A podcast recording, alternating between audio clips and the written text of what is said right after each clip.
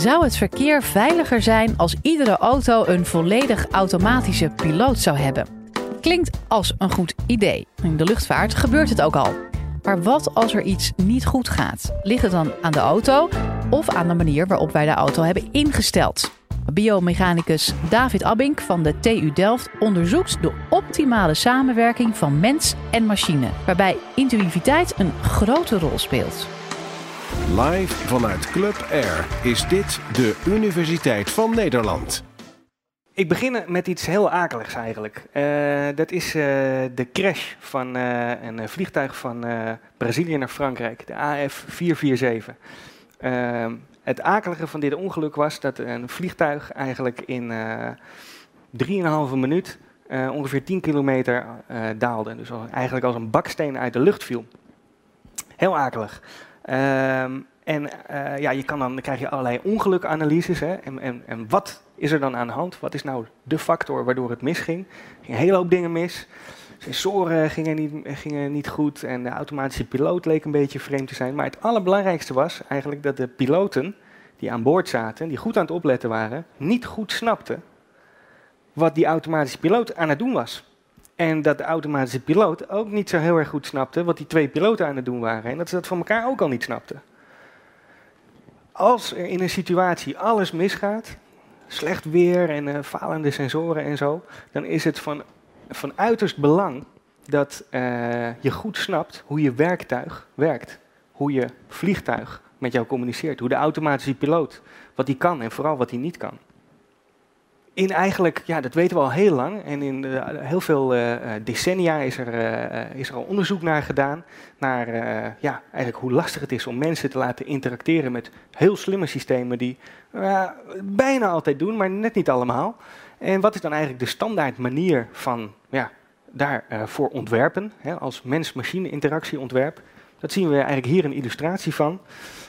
dat is ja, eigenlijk een soort ja, backup systeem. De mens als backup systeem. Het kroonjuweel van de schepping. Dat is eigenlijk helemaal geen leuke taak. Het is zelfs eigenlijk, zou je kunnen zeggen, een onmenselijke taak om iets in de gaten te houden wat het 99% van de keren prima doet, maar af en toe niet. En dan als je het niet doet, ja, dan moet je ook helemaal uh, paraat staan en moet je heel erg goed je best doen. Moet je nog precies weten wat je ook weer moest doen, ook al heb je dat al misschien heel veel uren niet gedaan. Heel veel jaren niet gedaan. Omdat ze problemen uh, ja, eigenlijk op te lossen. Nou, is misschien een goede oplossing. Zeggen ze dan bijvoorbeeld, nou, piloten, ja, die kunnen wel op de automatische piloot landen, maar ze moeten eens in de drie keer of zoiets, ik weet het niet precies, moeten ze zelf de, de, de, de kist vliegen. en dat is dus eigenlijk om ervoor te zorgen dat ja, die, die vaardigheden die je dan zo langzaam verliest, dat je die nog hebt. En ja, nou ja, verder aan de rest, ja, dat, dat kunnen we niet zo heel veel aan doen, lijkt het wel. Nou, is dat wel zo? Ja, dat, daar hou ik mij dus mee bezig als onderzoeker. Ik vraag me af of dat wel zo is. En ondertussen hebben we het niet alleen over vliegtuigen. Ondertussen gaan we ook kijken naar automatische auto's op de weg. De Google Self-Driving Car. Het toekomstbeeld van een hele hoop mensen. Ah, auto's die zelf rijden en ah, in de file, dan hoef je helemaal niks meer te doen. Nou, dat is Google al aan het ontwikkelen. Die rijdt dus op allerlei kaarten en heeft een intelligente controller. En nou, die kan eigenlijk prima rijden. Waarom zou je de mens nog nodig hebben? Nou ja, die moet erin zitten, hè, die moet vervoerd worden natuurlijk. Maar die zou dus ook als een soort backup systeem altijd nog moeten kunnen ingrijpen. Hoe zou dit werken? Een mens als backup systeem in deze auto. Nou, is dat nou eigenlijk wat je wil met zo'n automatische auto? Dat je de hele tijd zo zit van, nou, hij doet het helemaal automatisch. Fijn, relaxed. Misschien doet hij het fout. Nee, dat wil je niet.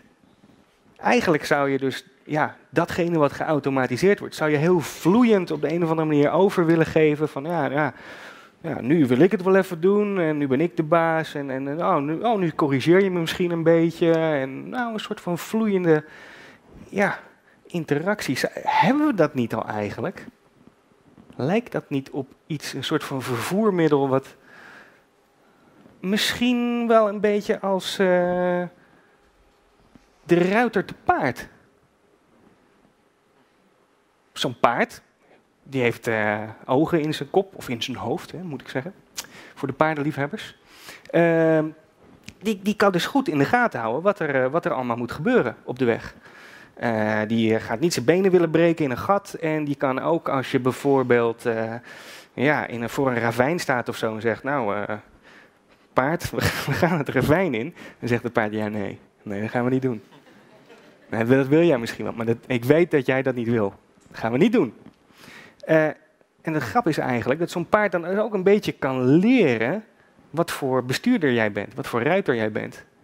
Als je zo'n paard uh, richting een muur stuurt de hele tijd, en dan een tijdje zegt het paard, ja, ik ga niet meer naar jou luisteren, ik ga gewoon eens doen wat ik zelf wil.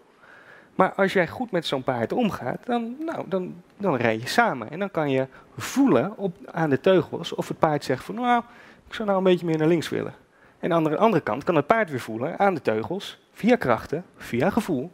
Hmm, ja, nou, volgens mij uh, wil uh, mijn bestuurder nu eigenlijk dat ik een beetje meer naar links ga. Nou, laat ik dat maar doen, als ik het ermee eens ben. Um, zou dat nou niet een hele mooie manier zijn om te interacteren met dit soort slimme voertuigen? Zou dat niet eigenlijk beter zijn dan de mensen als backup systeem?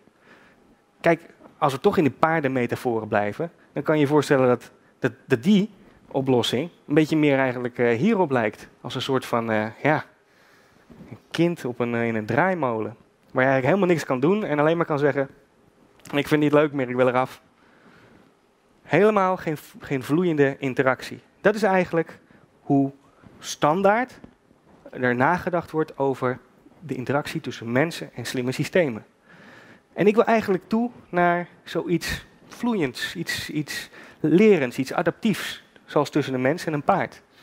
Ja, uh, dat is heel lastig. Dat kan ik nou wel zeggen, een mooie metafoor. Maar hoe maken we nou zo'n interactie?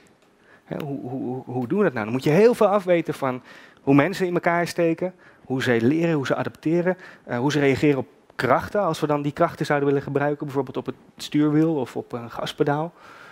Ja, hoe moet je dat ontwerpen? Hoe werken die reflexen nou? Uh, hoe werkt, werkt, het als je visueel dingen ziet, maar dan via krachten misschien iets anders voelt? Nou, daar moet je heel veel onderzoek naar doen. Nou, dan ben je bij ons aan het goede adres, want wij vinden onderzoek doen heel erg leuk.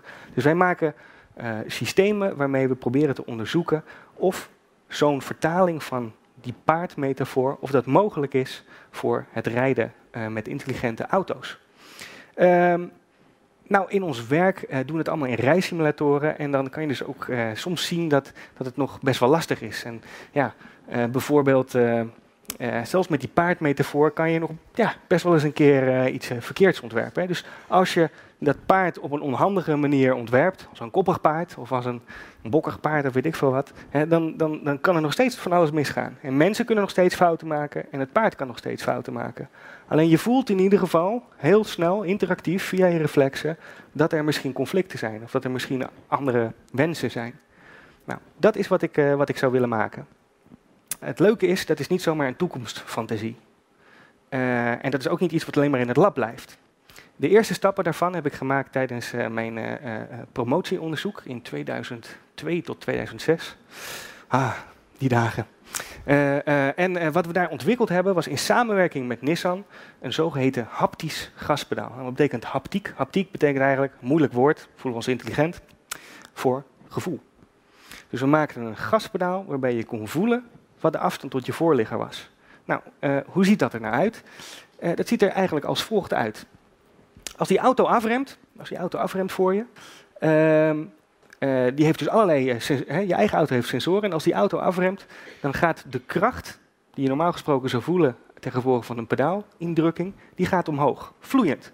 Dus niet als een soort van waarschuwing, uh, in één keer een klap of zoiets, maar eigenlijk voel je dan de afstand tot je voorligger, die je ook zou kunnen zien. dus je krijgt eigenlijk twee keer zoveel informatie voor de prijs van, nou ja, dat moet je aan Nissan vragen. Want Nissan heeft dit uiteindelijk op de markt gebracht. Als alternatief zou je ook kunnen zeggen, nou als ik al die sensoren heb, dan zou ik ook alles kunnen automatiseren. Maar daar heeft deze auto, de Nissan Infinity, die uh, laat zien dat dat dus niet hoeft. Dat automatiseren, dat is ook op de markt. Dat heet dan Adaptive Cruise Control. Misschien ken je dat wel. Dan kan je dus je voet van het gaspedaal doen en dan kan je lekker zo'n kleermaker zit zitten totdat die auto voor jou net iets harder afremt dan de bedoeling was. Biep, biep, uh, jij bent weer de baas, succes. dat is de standaard manier. En we hebben met dat haptische gaspedaal, wat in deze auto zit, wat in deze auto zit, um, hebben we dat uh, dus ja, een alternatief voor ontwikkeld. En dat voelde heel aangenaam, dat voelde intuïtief. Het was ook duidelijk wanneer het systeem dan niet werkte, want dan, ja, dan vloeide zo langzaam die kracht weg, die je de hele tijd netjes kon gebruiken om, om, uh, om de afstand te houden. En dat was dus een, een, een systeem wat, wat, ja, wat je nu kan kopen. Moet je wel behoorlijk wat geld neerleggen, maar ja, ik heb er ook geen één gekregen. Heel jammer eigenlijk. maar ja, goed, daar ga ik nog eens een keer met zo over praten. Maar dit laat u zien, dit is niet alleen een, een leuk idee, dit is ook iets wat gewoon in de, de maatschappij werkt nu. En als je dat voor het gaspedaal kan doen, nou dat is nog enigszins makkelijk. Hè. Het is alleen op de snelweg, en het is, maar dat zou je misschien ook voor sturen kunnen doen. En dan kom je heel dicht bij die paardmetafoor. Ja, jammer is, ik kan jullie niet allemaal laten voelen. Dat zou je natuurlijk uh, echt moeten voelen. Maar in, af en toe kan je het stuur loslaten en dan wordt er toch nog een beetje gestuurd. Uh, dat betekent, als je daar krachten op het stuur zet die jou eigenlijk vertellen wat het wat het paard denkt dat verstandig is. Uh, die krachten die, uh, die vertellen jou dus al een beetje hoe je zou moeten sturen. En als je eraan meegeeft, als je meewerkt, dan doe jij samen met die krachten die je voelt, doe je precies de juiste stuurinput. Uh, als je je handen loslaat, dan eh, zijn die krachten te laag. En dan wordt er dus eigenlijk niet zo goed gestuurd. Dat betekent dat, ja, dat je eigenlijk helemaal niet gemotiveerd bent om je handen los te laten, want dan zwabbert die over de weg. Dat is heel onaangenaam. Op die manier proberen we er eigenlijk voor te zorgen dat, dat jij samen met de auto uh, ja, de krachten levert en voelt die nodig zijn om je auto door bochten te rijden. En zodat je ook kan voelen dat er bijvoorbeeld een auto achter je zit die je eventjes niet ziet. Geen waarschuwingen, geen piep piep, geen tutuut, maar een interactieve, adaptieve, simpele, reflexieve, intuïtieve samenwerking. Dat is eigenlijk wat ik hoop te maken. Wil je nou meer afleveringen van de Universiteit van Nederland horen? Check dan de hele playlist en ontdek het antwoord op vele andere vragen.